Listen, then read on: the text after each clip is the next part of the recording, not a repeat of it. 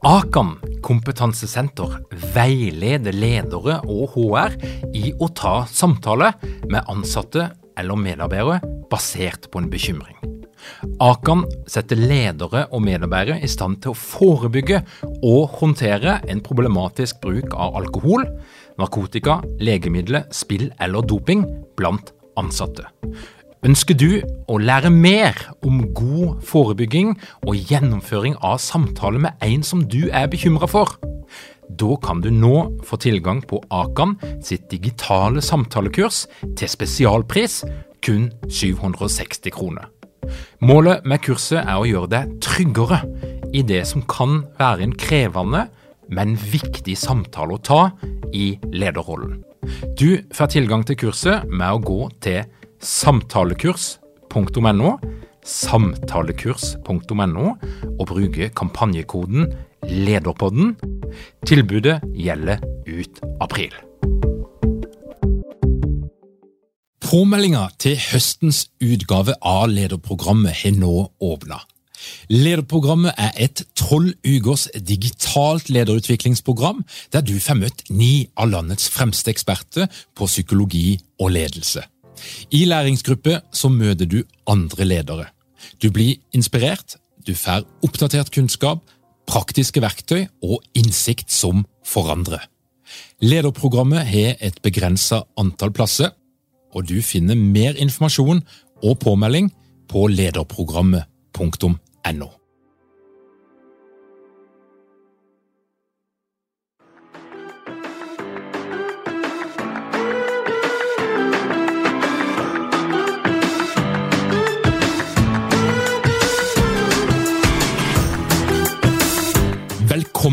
til Lederpodden. Mitt navn er Tor Åge Eikerapen. Jeg jobber som organisasjonspsykolog, og dette her er en podkast om ledelse. For kort tid siden så hadde vi en episode om det å være ny som leder. Den ble veldig populær, og vi fikk masse kommentarer og engasjement på LinkedIn. Og en av de som meldte seg på, er nok det jeg tror er Norges fremste ekspert på det å gå inn i ny lederrolle og det å ha et lederskifte. Frode Dale, velkommen til Lederpodden. Tusen takk, Tor Åge. Frode, du har skrevet om det å være ny som leder i annet På randen av ledelse, sammen med Frode Hybert Haaland. Du har også skrevet boka Lederskifte, om lederutvelgelse, innfasing av nye ledere og lederes første 90 dager i ny jobb. Og du har et brennende engasjement for at arbeidsgivere, organisasjoner, styre må i større grad legge til rette for gode lederskifter. Og Frode, det som jeg først og fremst lurer på, det er jo hva er bakgrunnen for ditt store engasjement knytta til dette her temaet? Ja, det har jeg tenkt litt på nå når jeg skriver på poden din. Og det starta nok når jeg skrev min første masteroppgave i 1994-1995. Eh, og da jobba jeg i Forsvaret, var stipendiat i lederorganisasjonsutvikling. Og eh, sammen med to andre så skrev jeg en masteroppgave som heter Sjefsskifter. Og da gikk det på at vi eh, skulle oversette, implementere et amerikansk konsept. Så gikk på at alle nye ledere som kom, og i USA så overtok de allerede eksisterende avdelinger, så skulle vi adoptere og gjøre det om til et to, to sjefsskifte i Hæren. Så um, det gjorde vi. Vi fikk eh, A på oppgaven, det var vel A da. Eh, og um, eh, jeg, jeg jobba i Forsvaret fra 90, jeg var stipendiat i 94-95, og så jobba jeg i 95-98 før jeg slutta i Forsvaret som major da, med leder- og organisasjonsutvikling med fokus på sjefsskifter. Og Da gikk det på å trene ledere til å gjennomføre sine egne sjefsskifter. For det, vi oppdaga fort at når det kom nye ledere, så brukte de 14 eh, uker på å kvittere over utstyr. Og sånn ca. null sekund på å kvittere over forventninger, bygge relasjoner, skape tillit. Eh, ja, bygge dette fundamentet de trenger for å lede da, i en ny kontekst. Så det var der eh, det starta ja, med den masteroppgaven. Og, og, da lurer jeg litt på, Nå har du jobba med dette her temaet i altså det begynner å bli ganske mange år. Du kjenner til massevis av historier om gode lederskifter, om dårlige lederskifter. Men hva er det som oftest går galt?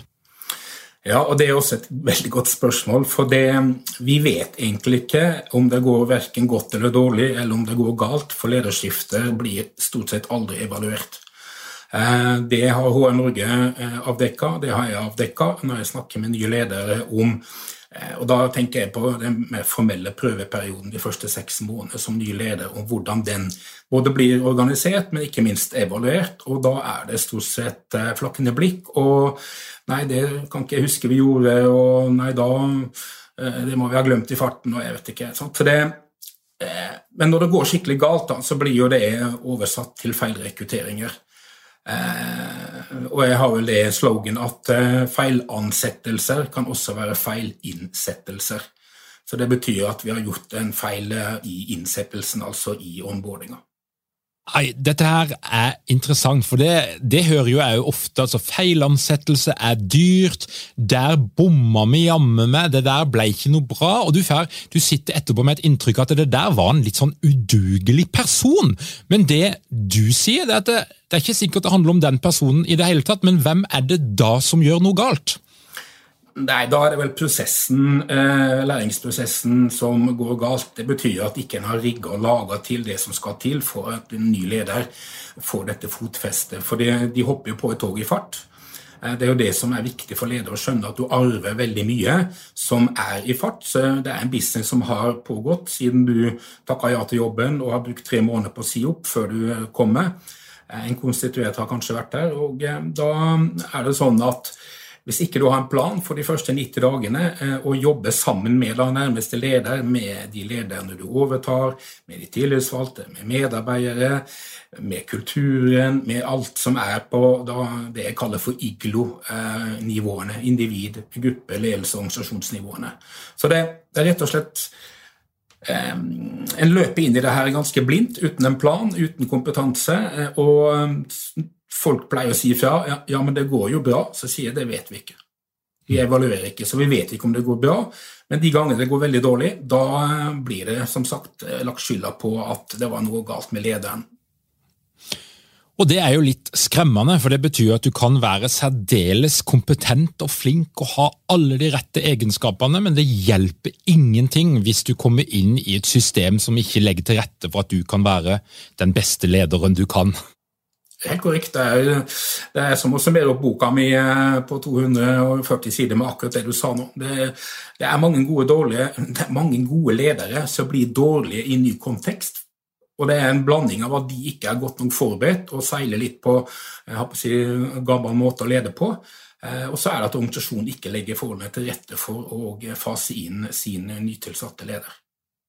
Og Du har jo en fanesak som er eh, en definisjon på hva betyr det å være ny som leder. Fortell, ja. Frode. Ja, det må jeg fortelle. For det, jeg blir helt gal når jeg leser og ser at de fleste som snakker om ny som leder, så er det det samme som førstegangsleder. Men du er altså ny som leder hver gang du trer inn i en ny lederrolle. Ny som førstelinjeleder, ny som mellomleder, ny som toppleder, ny som mellomleder for andre gang, femte gang osv. Så, videre, og så, videre. så det, ny som leder, eh, og det er jo da vi kommer inn i at ny som leder det blir jo gjennom et lederskifte i ni av ti tilfeller. Du skal arve en tidligere leder. Så det, så det, å være ny som leder er å være en aktør i et lederskifte. Så du gjør et skille på de to begrepene. altså Å være ny som leder det er det generelle, mens førstegangsledelse det er noe helt annet. Ja, da er du ny som leder for første gang. Det er sånn, du kan være ny, eh, Men så er det igjen da førstegangsleder jeg intervjua 18 eh, konsernsjefer, administrerende direktører, altså toppsjefer, CEO, i 2017-2018. Eh, og to av de var førstegangsleder som toppleder. De hadde altså aldri vært leder før. Allikevel så ble den første lederjobben en CEO-stilling. Det er hører til sjeldenhetene. Eh, men jeg vet det, det er mellomledere som går inn og skal lede andre ledere. Det er også første gang de er leder, så de har ikke vært førstelinjeleder. De har ikke vært i rollen til de lederne de skal lede. De hopper over dette her nivået. Så det er klart det å være ny som leder for første gang, Eh, og Så kan du være ny som leder for andre gang, og ja, da gjerne mellomleder. Og så kan du være ny som leder for tredje gang. Da går det veldig fort som toppleder.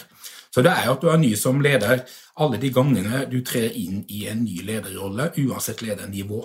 Så uh, førstegangsleder Jeg pleier å si fra at uh, du kan si ny som leder for første gang, men hvis det skal virkelig bli vanskelig, så er du altså ny som leder for første gang hver gang du trer inn i en ny lederrolle, for du har aldri vært i den konteksten før.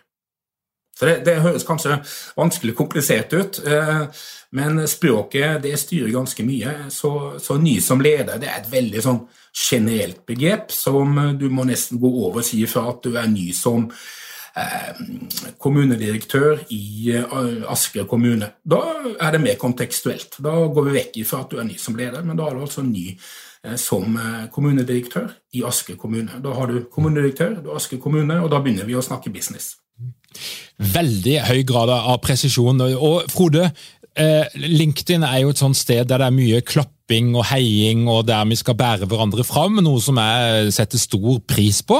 Men der er, skiller du deg litt ut av og til, for du kommer med noen litt sånn friske, deilige fraspark og noen tydelige påstander. Og en av de påstandene som du har skrevet om, ikke bare på LinkedIn, men også andre steder, det er jo at HR svikter sine nye ledere.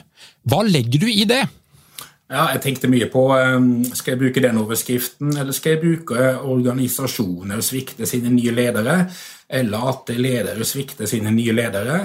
Men så tenkte jeg mer sånn eh, Jeg er jo en fagidiot, sier jo folk da. Eh, og de som har fagansvaret for dette her, tenker jeg er HR. Det er de som er opptatt av lederutvikling, og da bør de også være opptatt av lederskifter. Eh, men det er de altså ikke, gitt de eh, få masteroppgavene som er skrevet. og eh, ja, Jeg har hatt ganske mange samtaler med nye ledere. Og de ser ikke så veldig mye til HR, og de ser heller ikke så mye til nærmeste leder. Så de blir overlatt til seg sjøl. Eh, og det er en krevende øvelse, og særlig når de da oppdager at ikke de har noe i verktøykassa. Så min eh, så når jeg tenkte sånn Jeg skriver HR svikter sine eh, nye ledere, så er det at de er med på det, da. Men det er de som har ansvar for å bygge opp et system for lederskifter, og de systemene finnes ikke i Norge, er min klare påstand. Det, er tøft, det høres tøft ut, hører jeg nå. Men jeg mener at det finnes ingen organisasjoner som klarer å fange opp alle lederskiftene på en komplett måte hver gang det skjer, uansett ledernivå. Og hva burde de ha gjort?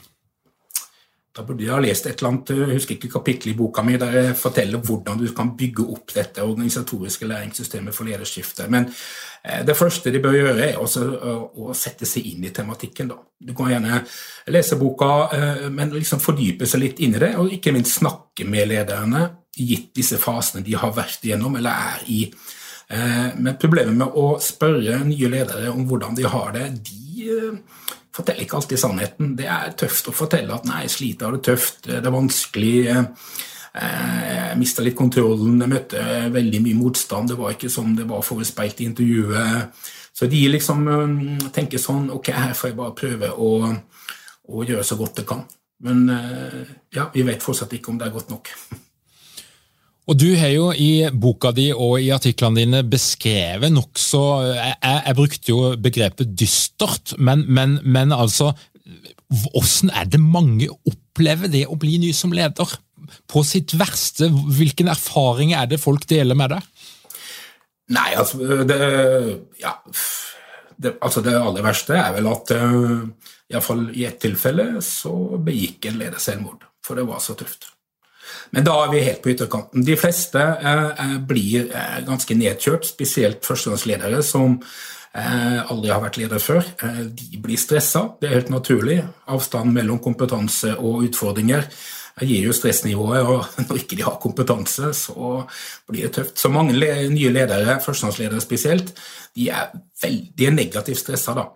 Eh, stressa skal du være uansett når du er ny som leder, for det er såpass mye du skal ta tak i og å jobbe med. Da. Men, eh, så det, ja, de blir stressa og er en god del uh, sykemeldt. Så når jeg får mailer grunn Programmet ledelse har jo solgt noe, skal vi se, 21 000 eksemplarer. Og jeg har vel fått en sånn 40-50 mail i løpet av denne perioden, og nesten alle sier det samme. Det var godt å lese at det ikke bare er jeg som sliter. Og Da ble jeg veldig oppgitt, for på slutten så sa vi i 2005 at nå må organisasjonene eh, sørge for å ivareta sine førstegangsledere på en mye bedre måte. Den siste masteroppgaven jeg leste for 2019, eh, sier akkurat det samme som Linda Hill sa i 1992, når hun skrev boka si, at eh, it's all about sink or swim, eh, og they will take you where they go down, og eh, de er slitne, eh, og de er ensomme, og de er usikre og utrygge, og, og jeg pleier alltid å spørre hva ønsker organisasjonene med å skape usikre og utrygge ledere? Hva er, hva er hensikten? For de er det. Men så ser jeg på, på nettet at det florerer av onboarding som et begrep, digital onboardingsprogram, eh, det ene og det andre. En kan få inntrykk av at det er et stort fokus både på det å onboarde vanlige medarbeidere, men òg ledere. Hva, hva, hva handler dette her om? Eh, mye handler om at onboarding blir sett på fra organisasjonens ståsted. Det betyr at de nye lederne skal få informasjon, de skal få litt mer opplæring, de får kanskje noe litt mer oppfølging. Men det som mangler helt, er jo at de nye lederne har det, det, denne verktøykassa for eh, disse første 90 dagene med dialogbaserte oppstartsaktivitetene, med et allmøte der du svarer på hvem du er og eh, henter inn litt hva du bør gjøre oppstartssamtaler. Jeg har ennå ikke møtt en leder eh, som har fått trening på hvordan gjennomføre en oppstartssamtale som ny leder. Eh, et oppstartsseminar der du skal overta et team med ledergruppe i fart. Det har ikke engang jeg skrevet om. Eh, og da, Jeg holder på å skrive om det nå, da, for jeg skjønner at det kom ikke i andre utgaven til Bang og Middelfart heller, dette med effektive ledergrupper på hvordan du skal overta en ledergruppe i fart. For det er jo det lederne gjør. De får ikke byggene og Eh, og det er ganske krevende. Eh, og jeg snakker med Bård eh, Fyn, som tar en, master, nei, en, doktorgrad i dette med gruppepsykologisk trygghet. Og spurte han her nå for en tid tilbake hva skjer med den gruppepsykologiske tryggheten når det er et lederskifte, det kommer inn en ny leder i en ledergruppe. Så sa han nei, det tror jeg ikke vi har forska så mye på. Og det er jo skremmende sånn sett. Jeg tror jo at den gruppepsykologiske tryggheten går ut Eh, i et stort sånn usikkerhetsrom, et avventende rom på hva kommer til å skje, hva kommer den nye lederen gjøre med meg og med oss som team, kommer han, å han eller hun da, til å redusere oss. Så det er mye sånn eh, og Jeg spurte alle disse 18 topplederne om hvordan de overtok disse her toppledergruppene. Eh, og de hadde ikke noe svar. Det var, det var ikke noe prosess på det. Mens jeg har jo jobba opp et konsept på hvordan en kan overta en, et med ledergruppe i fart. Da. Eh, og Det er masse flotte ting som kan skje da, bare du setter av tid, tar den pitstoppen og jobber med de tingene eh, og får til en dialog med egentlig hvordan en har det akkurat nå, hvordan har det vært, og hvordan skal det bli. Og En ting som du er opptatt av, det er jo at enhver organisasjon har jo en historie. og En kan jo i noen rekrutteringsprosesser så er det jo sånn at organisasjonen prøver å framstille seg på best mulig måte for å gjøre seg selv mest mulig attraktiv for den kandidaten du ønsker.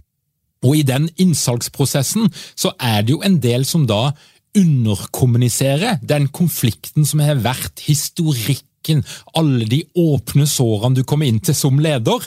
Eh, og Så hopper du rett inn, og du har en gnistrende åpningstale, men du vet ikke at her er det masse mennesker som bærer lange sår, etter, store sår, etter forrige leder. Hva, hva, hva er det som ofte blir underkommunisert i en rekrutteringsprosess? Hva skal vi si? Sannheten, virkeligheten, som du sier. Eh, og Det handler nok om at de som rekrutterer, ikke har gjort en god nok og dyp nok eh, kontekstkartlegging. De har ikke gått dypt nok inn i og fått fiska opp og frem hvordan det egentlig står til, og hva som skjer. Det er det ene. Så da driver de oversalg, eller for så vidt undersalg. Eh, og det lønner seg ikke, for når den nye lederen kommer inn og oppdager en god del ting, eller får det i fanget, eller i trynet, som en sa, Eh, så vil de umiddelbart tenke sånn Hvorfor ble ikke dette her eh, snakket om på intervjuet, på, i utvelgelsen? Eh, ble dette holdt tilbake? Hvorfor gjorde de det? Så det, du oppnår Det er feil å si at ikke du oppnår noen ting. Det du oppnår, er at du lokker på den psykologiske kontrakten med den nye lederen, der de begynner å kanskje bli usikre og tvile. og og det er ikke akkurat det de trenger i oppstartsfasen. at liksom sånn, Her er de blitt lurt inn i Som en leder sa, da. Jeg ble rett og slett lurt inn i et bakhold. Så det er sånn Ja, det er helt utrolig historie. Har dere mange ledere uten trening eller utdannelse innen ledelse? Mangler dere en felles kultur og praksis for ledelse? Ønsker dere å være bedre rusta for fremtidig vekst og endring? Da kan et internt lederutviklingsprogram være en god investering. I Execu så er vi eksperter på å designe og gjennomføre bedriftsinterne lederutviklingsprogram. Hvis du ønsker å lære mer om hvordan vi kan hjelpe dykken til å få enda bedre ledere, ta og klikk deg inn på execu.no.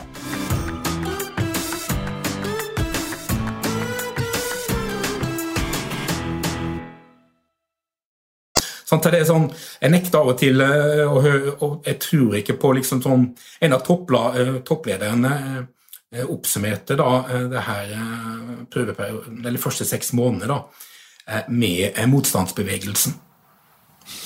Så, så avtroppen leder hadde sørga for at de lederne som eh, For han ble sparka, den avtroppende, egentlig, men han fikk lov til å reise litt rundt i 14 dager og gjøre en del ting. Og det var åpenbart at eh, han satte i gang en motstandsbevegelse. Så han fikk kjørt seg den nye konsernsjefen for ja, hva var det han hadde, 3500 ansatte.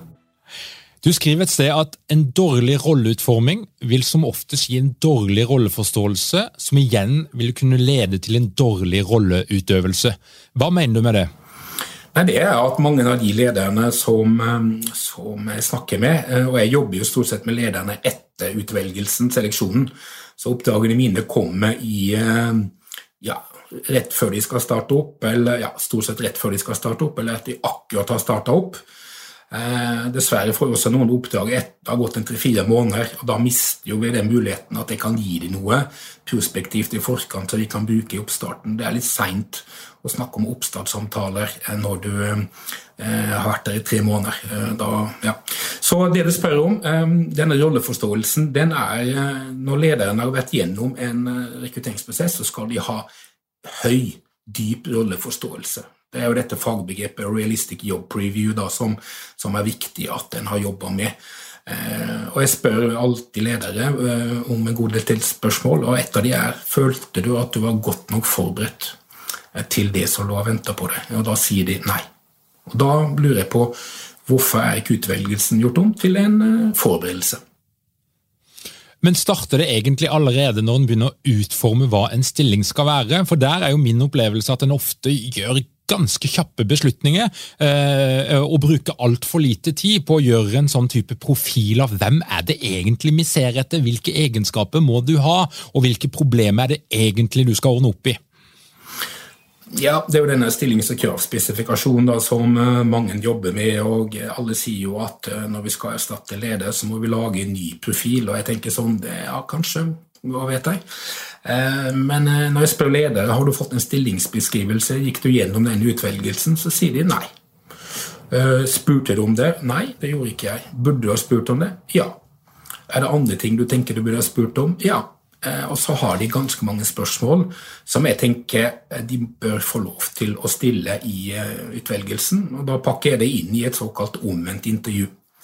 Så Når vi kjører rekruttering i Topplederrekruttering AS, så finalekandidatene får lov til å kjøre 40 minutter omvendt intervju med styreleder eller ADMDIR. Og Det er høyst interessant å se, så det er et veldig godt seleksjonsverktøy, i tillegg til at det blir et godt forberedelsesverktøy.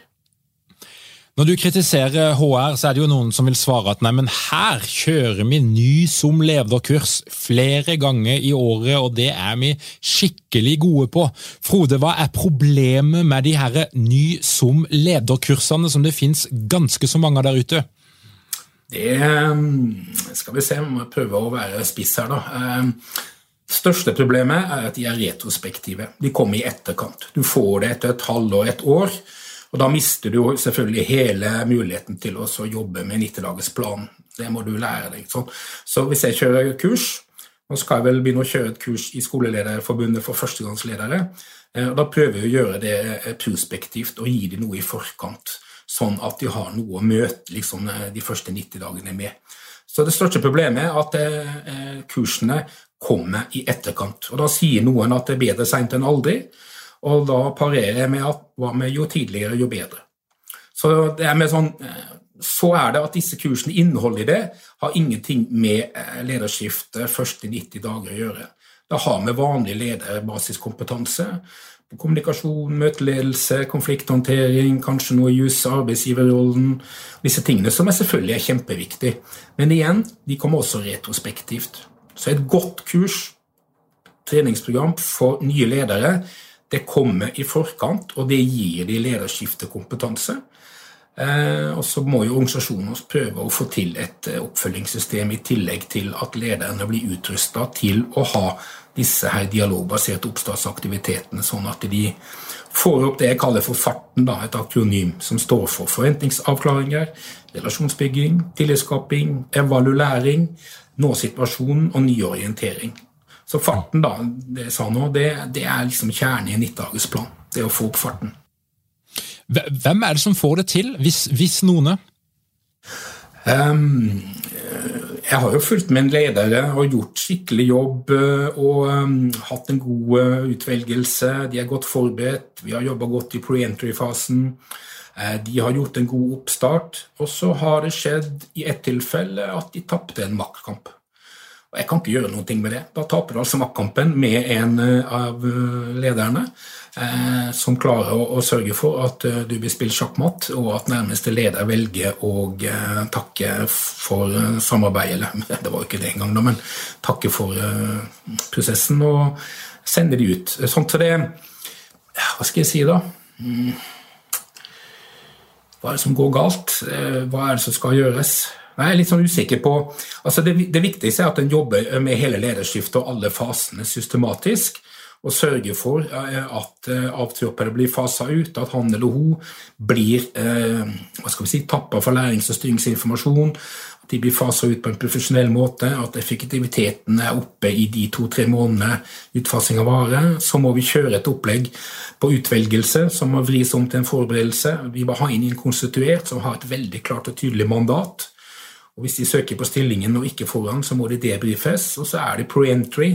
Da må eh, disse lederne hjelpes i eh, den doble prosessen de er i, med oppsigelse og forberedelse. Etter hvert så er det viktig å hjelpe de og forberede de på oppstarten. Og Så kommer denne her planen for de første 90 dagene. Da, som det må være planlagt, det må være trent på og for, og så må den gjennomføres. Og så må en bruke den informasjonen en får i den planen til eh, å eh, ta noen beslutninger på hvordan du skal ta denne enheten, organisasjonen, konsernet videre.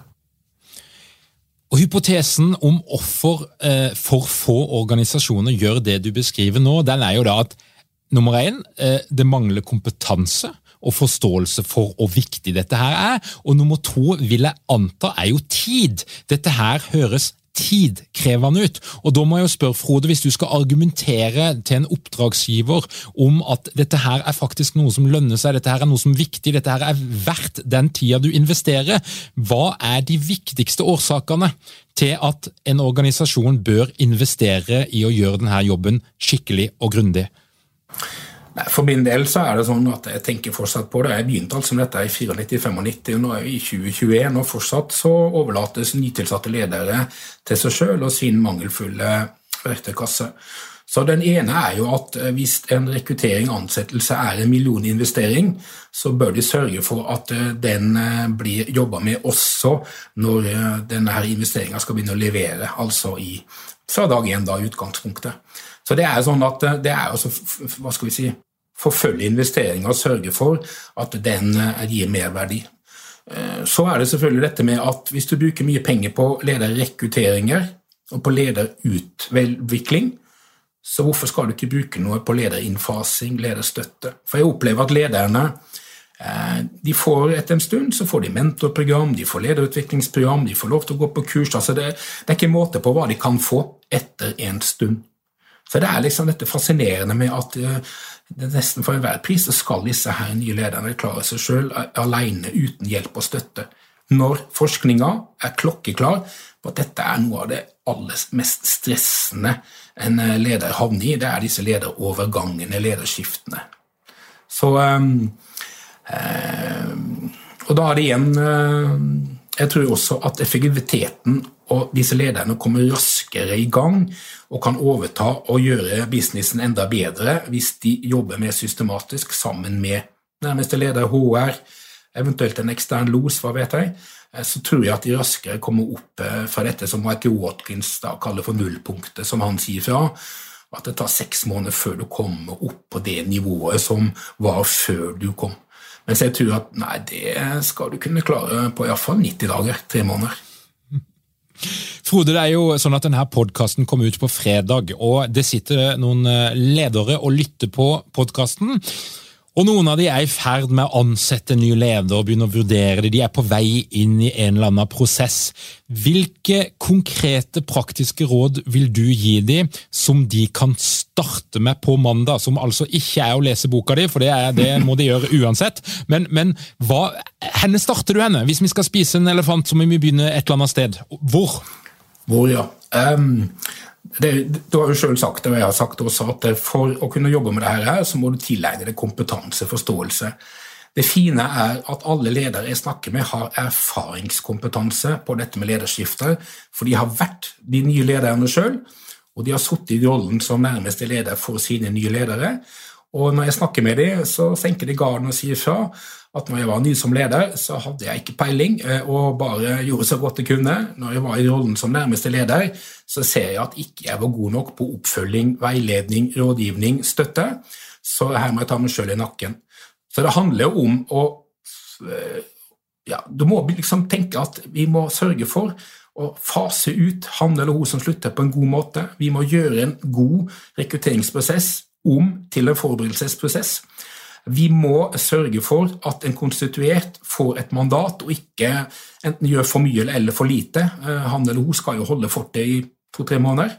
Og så er det en pre-entry, at vi må følge opp de nytilsatte i denne her, som jeg kaller for ingenmannsland, der du har mista fotfeste, holder på å miste fotfeste i den stillingen du var i, og du har ikke fått fotfeste den du er i. Og så er det en plan for de første 90 dagene. Så for meg er det sånn eh, For vi kommer alt inn og ned på dette med detaljer og verktøy og ting som må jobbes med. Så for meg er det sånn at eh, Men igjen, som en sa når de hadde lest boka mi, at dette jo, eh, dette, alt det du sier, er jo egentlig helt innlysende. Så vi hadde egentlig ikke tenkt å lese boka, vi burde bare gjort det her.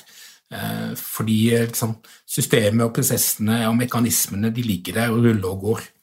Så nei, hva skal jeg si da? Eh, hva skal de gjøre? Det, eh, det aller viktigste er da, eh, og da blir det muligens litt innsalg her, men det spiller ingen rolle. Jeg fikk et oppdrag nå nylig der en toppleder sa til seg sjøl at nå, nå, må jeg bare sørge for at min nye leder får noe hjelp og støtte. Så da fikk jeg et oppdrag der jeg hjelper Hen da i og Det var veldig rett i forkant, to uker før Hen skulle starte. Eh, og Hen har holdt på nå ei uke, og jeg skal møte både Hen og eh, toppsjefen nå om et par uker. Så han gjorde den beslutninga at eh, her må jeg leie inn profesjonell hjelp. Men vi skal gjøre denne prosessen også om, sammen med HR, til å begynne å bygge skjelettet til et onboardingssystem som de sjøl skal drifte og drive. Fordi hvis jeg skulle ha losa inn alle nye ledere i Norge, så hadde jeg vært eh, under torva ganske fort. Eh, jeg kartla vel, når jeg skrev boka mi 'Lederskifte', at eh, det foregår rundt en 70 000-90 000 lederskifter på alle nivåer i løpet av et år. Så her er det organisasjonen og nærmeste leder og som må sørge for at vi ønsker å ivareta våre nye ledere på en bedre måte, og det må vi gjøre med å gjennomføre lederskiftene eh, helhetlig, systematisk, sammenhengende eh, til det beste for nye ledere og organisasjonen. Det hørtes litt sånn floskelaktig ut, men det er egentlig det jeg mener. Frode, det er jo sånn at akkurat nå så sitter det en del nyrekrutterte ledere på sitt hjemmekontor. De har aldri sett sine medarbeidere fysisk. De har kanskje heller aldri sett de som ansatte de. Og de skal altså bli kjent med en ny kultur, en ny organisasjon, gjennom Teams. Hvilket råd vil du gi til de lederne som nå sitter der og kjenner på frustrasjonen og håpløsheten og gapet mellom egen kompetanse og forventningene fra organisasjonen?